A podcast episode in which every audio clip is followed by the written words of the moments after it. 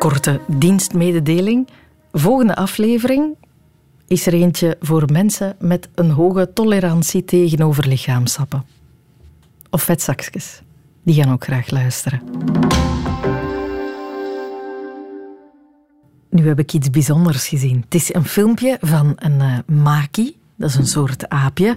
Uh, nachtbeelden van zo'n maki. Uh, en dat lijkt met een heel lang, heel dun twijgje, keidiep, toch beheerst in zijn neus te zitten koteren. Om vervolgens dat twijgje er weer uit te halen en te beginnen afsabbelen. Als je dan goed gaat kijken naar dat filmpje, dan zie je dat dat geen takje is, maar gewoon zijn eigen belachelijk dunne, lange vingertje.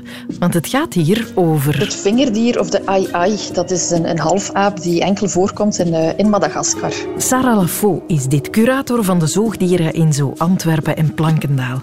En je moet dat maar eens opzoeken. Dat vingerdier heeft dus gewoon een polke met één akelig dun takkenvingertje. Om heel goede redenen. Um, het vingerdier is eigenlijk verzot op insectenlarven. En door de evolutie heen heeft hij eigenlijk een, een, een lange vinger ontwikkeld. Dat is zijn middelvinger. Um, die veel langer en slanker is dan de andere vingers. En die gebruikt hij eigenlijk om op zoek te gaan naar insectenlarven. Dus hij tikt eerst op uh, boomstammen om te kijken waar er zich holtes bevinden. Om, hij luistert dan naar, naar, naar het geluid dat daaruit komt. En als hij een, een holte gevonden heeft, maakt hij een klein gaatje. En dan gaat hij eigenlijk met die lange gespecialiseerde vinger gaan, gaan peuteren eigenlijk naar insectenlarven om die dan te kunnen opeten. En dus ook om eens goed diep op keuteljacht te gaan. Dat heeft een Zwitserse onderzoeker dus nu op film kunnen vastleggen. En daarmee sluit het vingerdier, de ai-ai, zich aan bij de mens en de mensaap. De enige andere soorten waarvan geweten is dat ze neuspeuteren en dat ze ook snot eten. Als we even de beesten die met hun tong recht in hun neus kunnen uitsluiten, want eerlijk, dat is niet neuspeuteren, dat is neus likken of zoiets.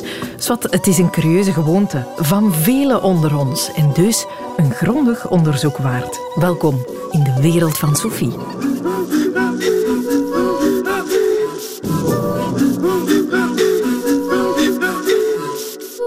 Volgens één Amerikaanse studie zou 91% van de mensen neus peuteren.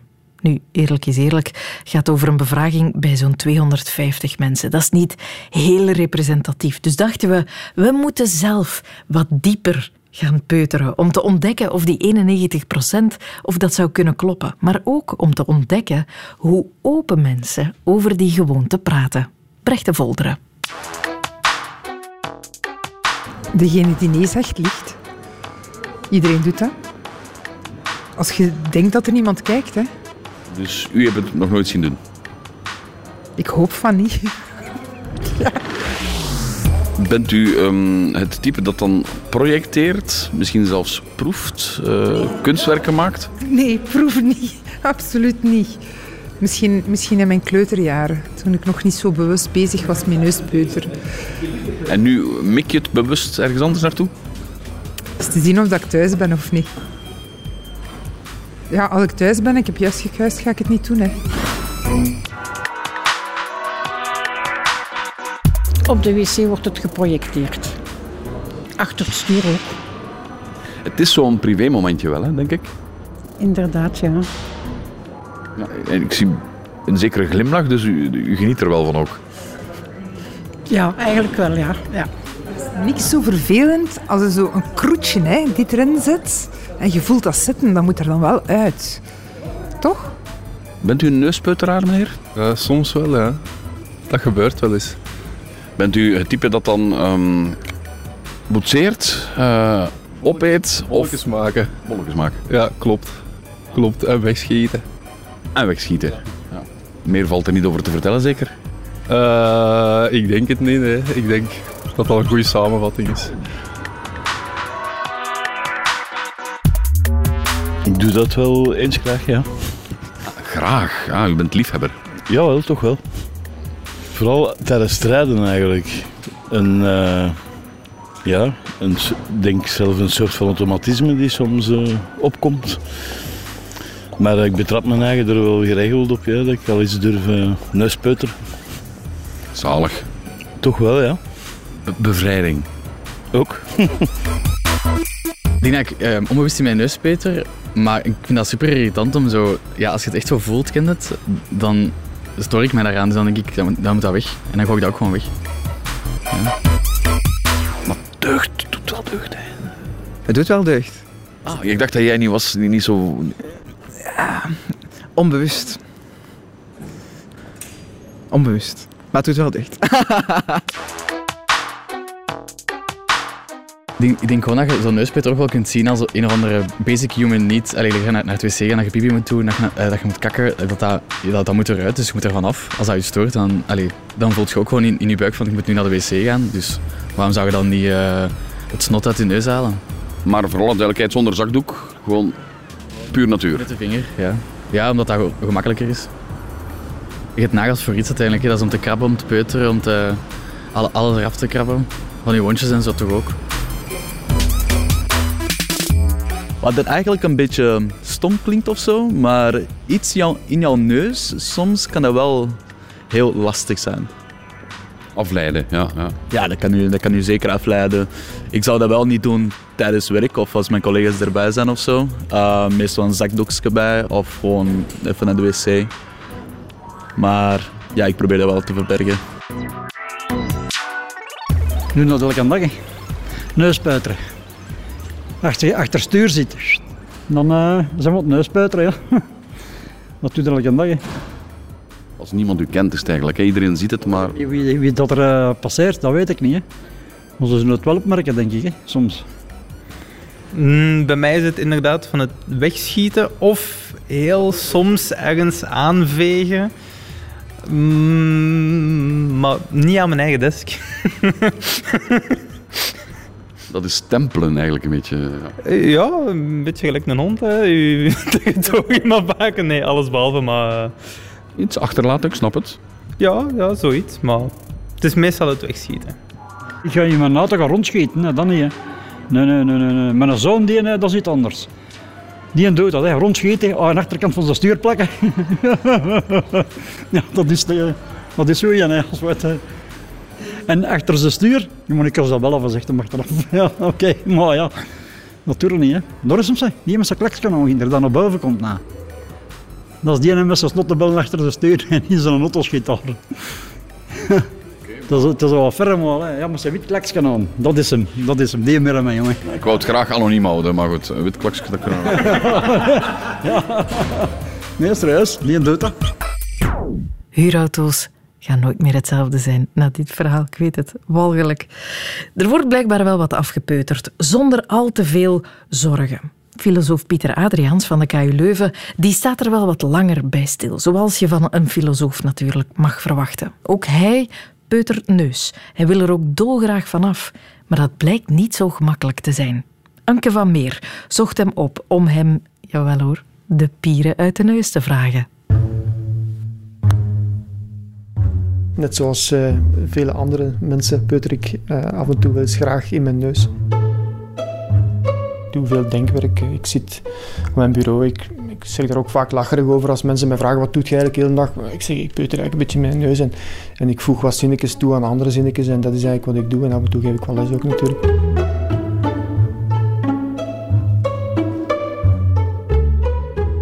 Ik, zoals veel andere mensen, leid een redelijk sedentair bestaan. Ik zit eigenlijk hele dagen aan mijn bureau.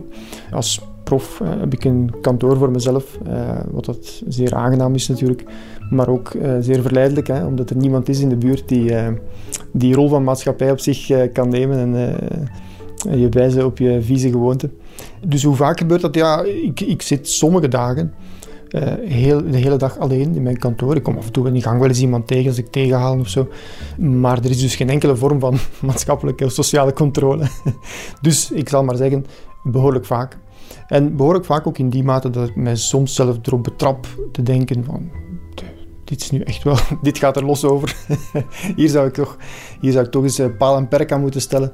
Um, maar ik, ja, ik neem aan dat veel mensen zich die vraag al op de, die verzuchting hebben gemaakt, maar uh, daar net zoals ik niet echt naar handel.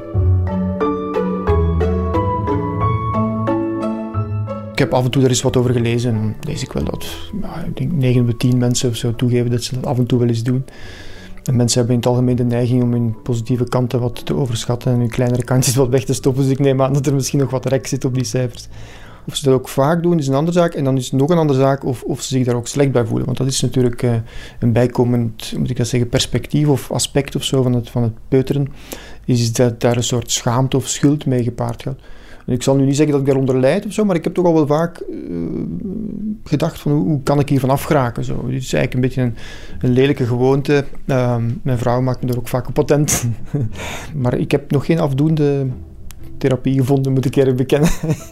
ik denk eigenlijk, eerlijk gezegd, dat de meest eenvoudige, maar misschien ook daadkrachtige of efficiënte therapie erin zou bestaan. Dat iemand met enige autoriteit zegt dat het iets is dat je moet laten, dat je kan laten ook.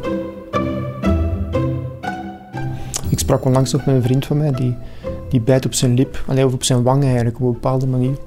En hij was op een bepaald moment naar de tandarts gegaan, die zag dat daar inderdaad een soort wonde was. Hè. Die zei, maar dit is toch iets waar je op moet letten je moet er gewoon mee stoppen. en op een of andere manier had dat geholpen. Dus ik ben echt aan het zoeken naar iemand met een soort medische autoriteit die mij gewoon vriendelijk, maar toch dwingend wil vragen om ermee te stoppen.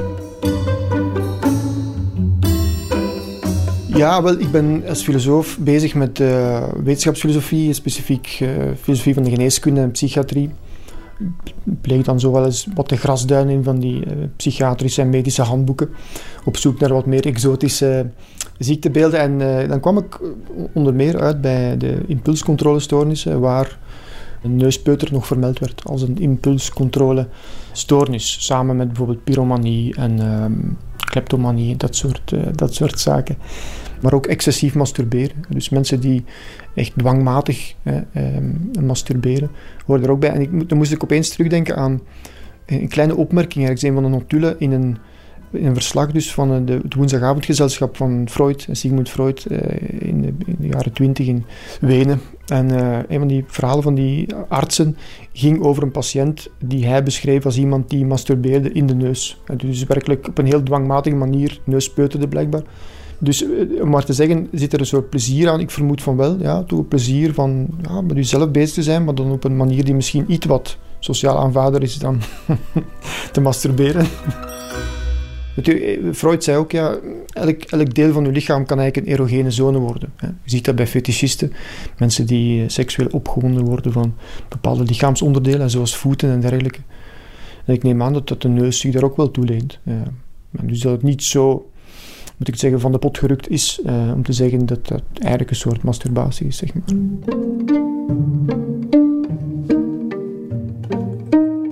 Tijdens die coronapandemie waren er een aantal uh, artsen die zeiden dat het eigenlijk best is om zoveel mogelijk van je gezicht te blijven.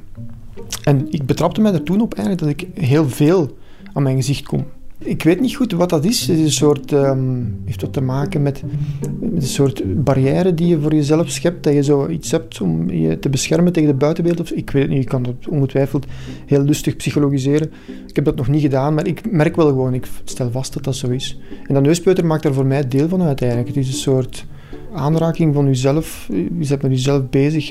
Voor mij maakt het deel uit van een soort algemeen um, plezier eigenlijk ook toch wel om, om mijn eigen gezicht zo wat aan te raken. Het is meer een soort, ja, een soort verveling bestrijden eigenlijk. Uh, soms heeft het iets, iets, uh, iets echt plezier. Bijvoorbeeld als je bij een renovatie of zo, je kent dat wel, uh, heel veel stof hebt ingeademd en dan van die heel grote zwarte keutels kan graaien. Maar, maar het is meer een bezigheid, denk ik. Eigenlijk, ja.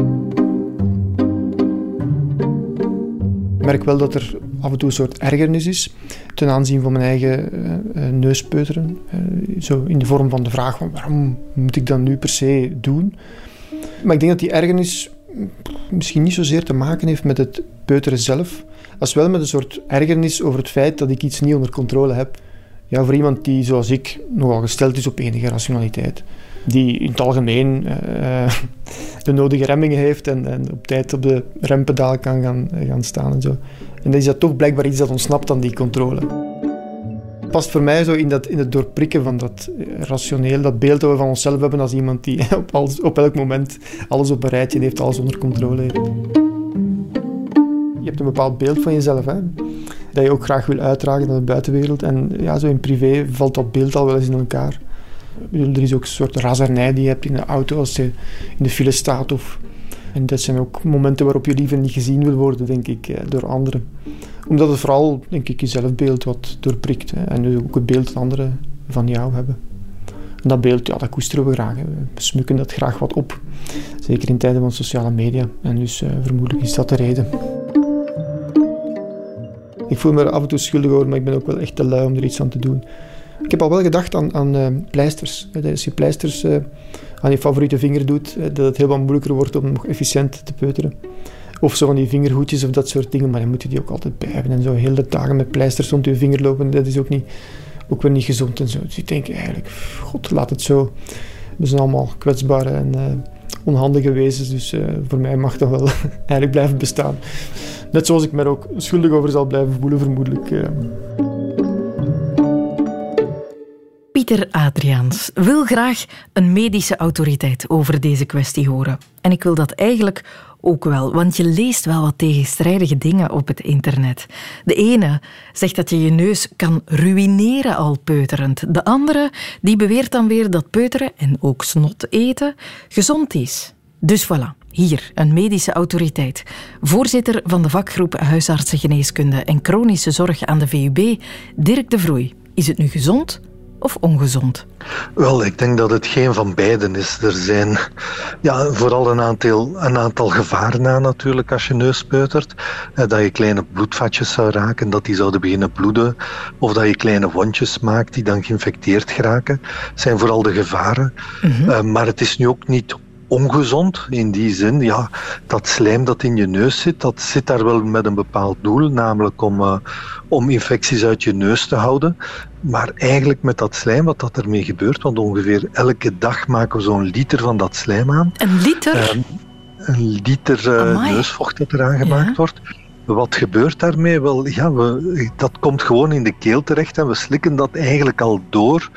Uh, zonder dat we dat eigenlijk goed weten. Het kan geen kwaad, maar kan het ons dan misschien goed doen? Ons immuunsysteem boosten als je snot gaat eten bijvoorbeeld? Wel, goh, het zijn natuurlijk uh, antilichamen die erin zitten voor een deel, die al aangemaakt zijn door ons eigen lichaam die nu gaan opeten, ja, die komen dan in je maag terecht. Daar zit heel veel zuur in je maag.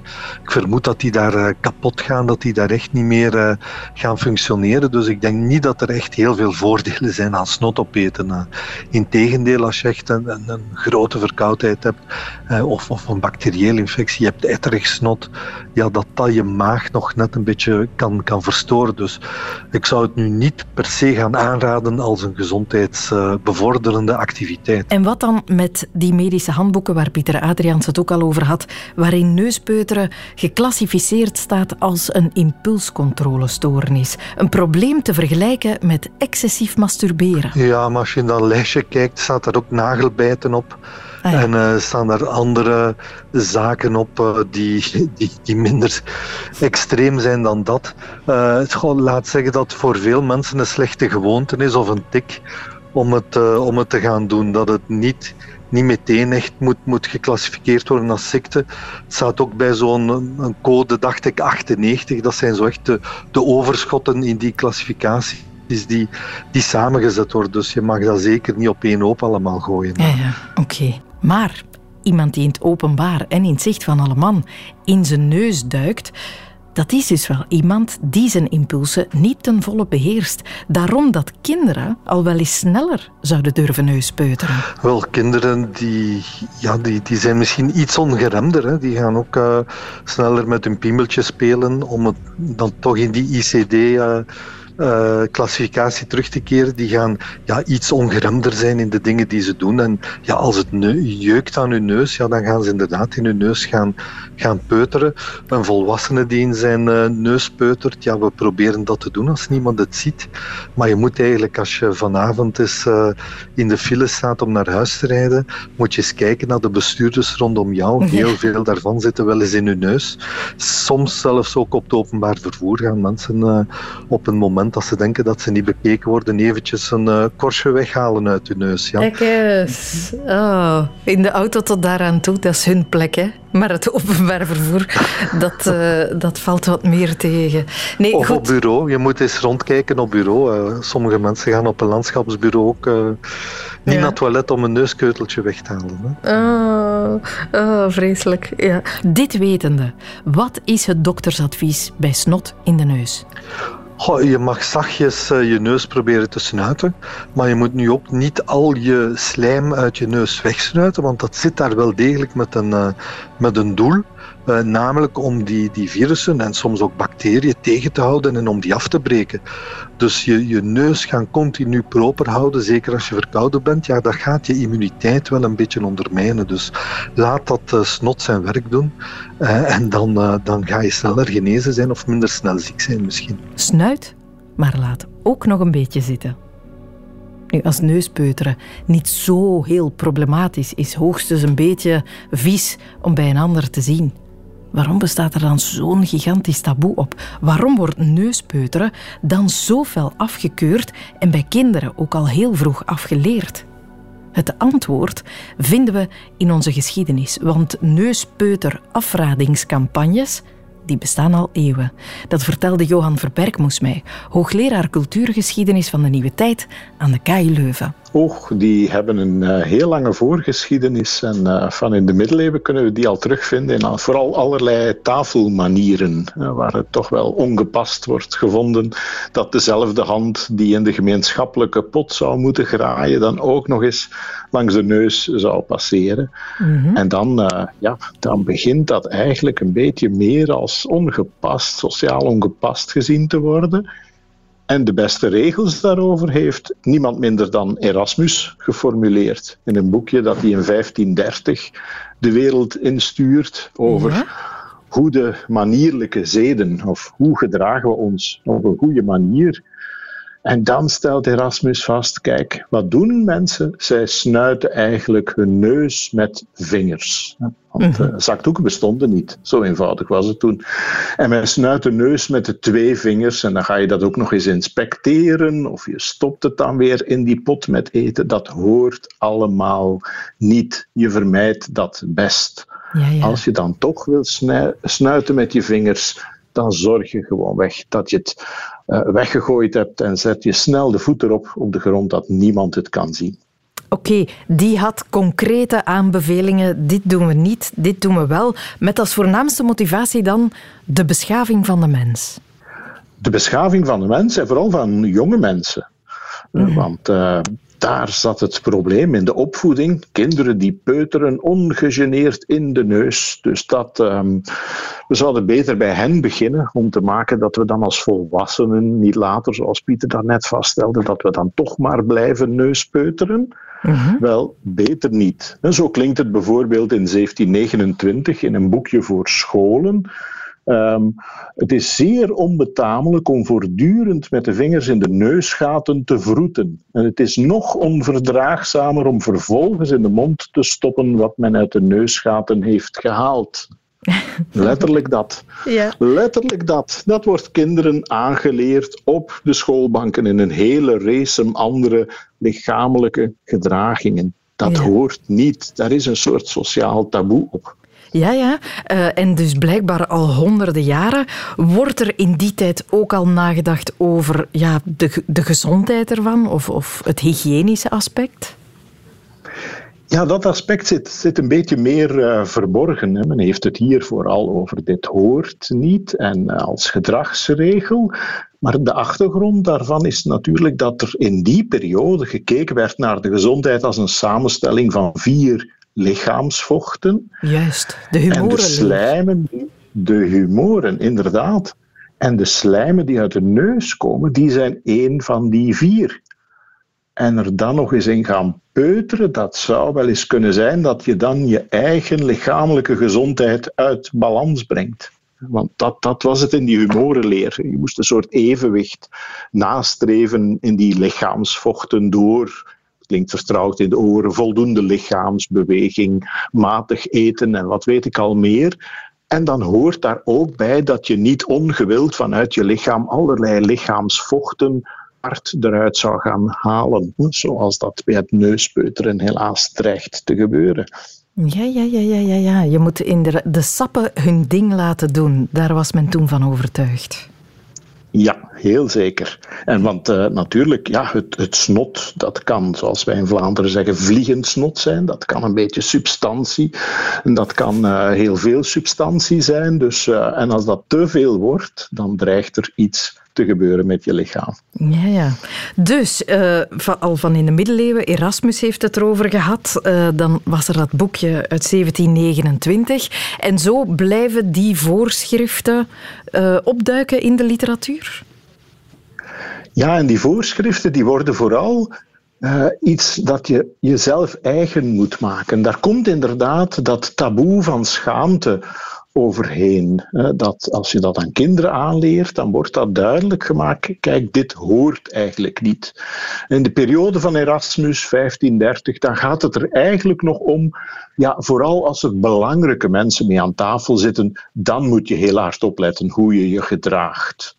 Maar een eeuw later, uh, en, en zeker in de 18e eeuw, dan wordt dat heel verbreid onder de hele bevolking. En hoort het eigenlijk voor niemand nog om zich zo te gedragen. En, en dan wordt dat veel meer iets dat je jezelf eigen moet maken. En, en vandaar dat soort ja, schuldgevoeletje dat wij allemaal kennen bij dat neuspeuteren. Mm uh, dat heeft uh, die lange voorgeschiedenis. Ja, ja, een schuldgevoelentje. Vind ik mooi dat het ook een klein schuldgevoel is. Niet te vergelijken, maar dus ja. dat, dat, is het bijzondere. Um, er, er, bestaat ook een taboe op het kijken naar porno of alcoholisme. Maar dat zijn dingen waarvan je weet dat het uit de hand kan lopen, dat het problematisch zou kunnen worden, eventueel in het ergste geval.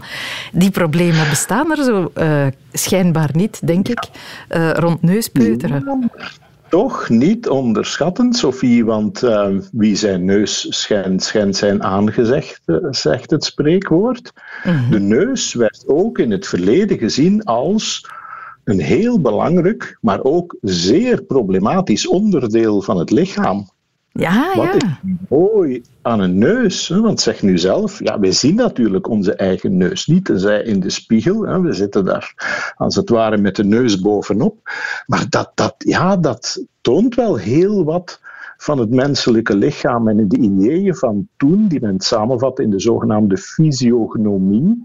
Dan las men iemands karakter af aan onder meer diens neus. Mm-hmm.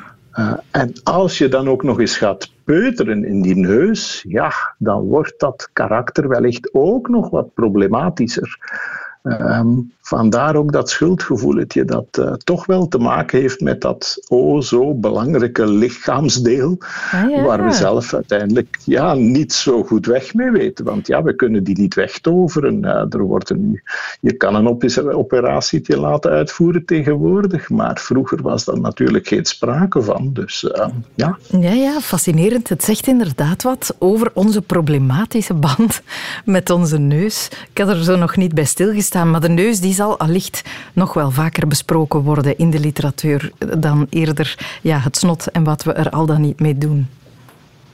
Ja, precies. Er zijn neuzenliedjes hè, die alle afmetingen daarvan gaan bekijken en de vormen die die aannemen, om dan inderdaad uitspraken te kunnen doen. En vaak zijn dat kluchtige uh, neuzenliedjes natuurlijk. Uh, uitspraken te doen over uh, hoe iemand is. Is dit een opvliegend iemand of kan je wel iemand vertrouwen die zo'n heel scheve neus heeft? Dat soort opmerkingen die tot in de 19e eeuw blijven doorlopen natuurlijk in al die ideeën over gelaatkunde. Wat lezen we af aan dat menselijke lichaam? Ja, inderdaad. Met dat in gedachten is het misschien nog wel begrijpelijk of gemakkelijker om erin te komen waarom er zo'n taboe is komen te liggen uh, op het neuspeuteren. Super interessant. Ik ben blij dat we het daar ja. eens over konden hebben samen. over neuspeuteren. Ja, inderdaad. Ik denk uh, in historisch perspectief, uh, blijf eraf. Dat was de grote aanbeveling historisch gezien. Ja. Dus, en dat advies is in de loop der jaren niet zo gek veel veranderd. Laat de sappen hun ding doen. Laat dat uh, snot zijn werk doen.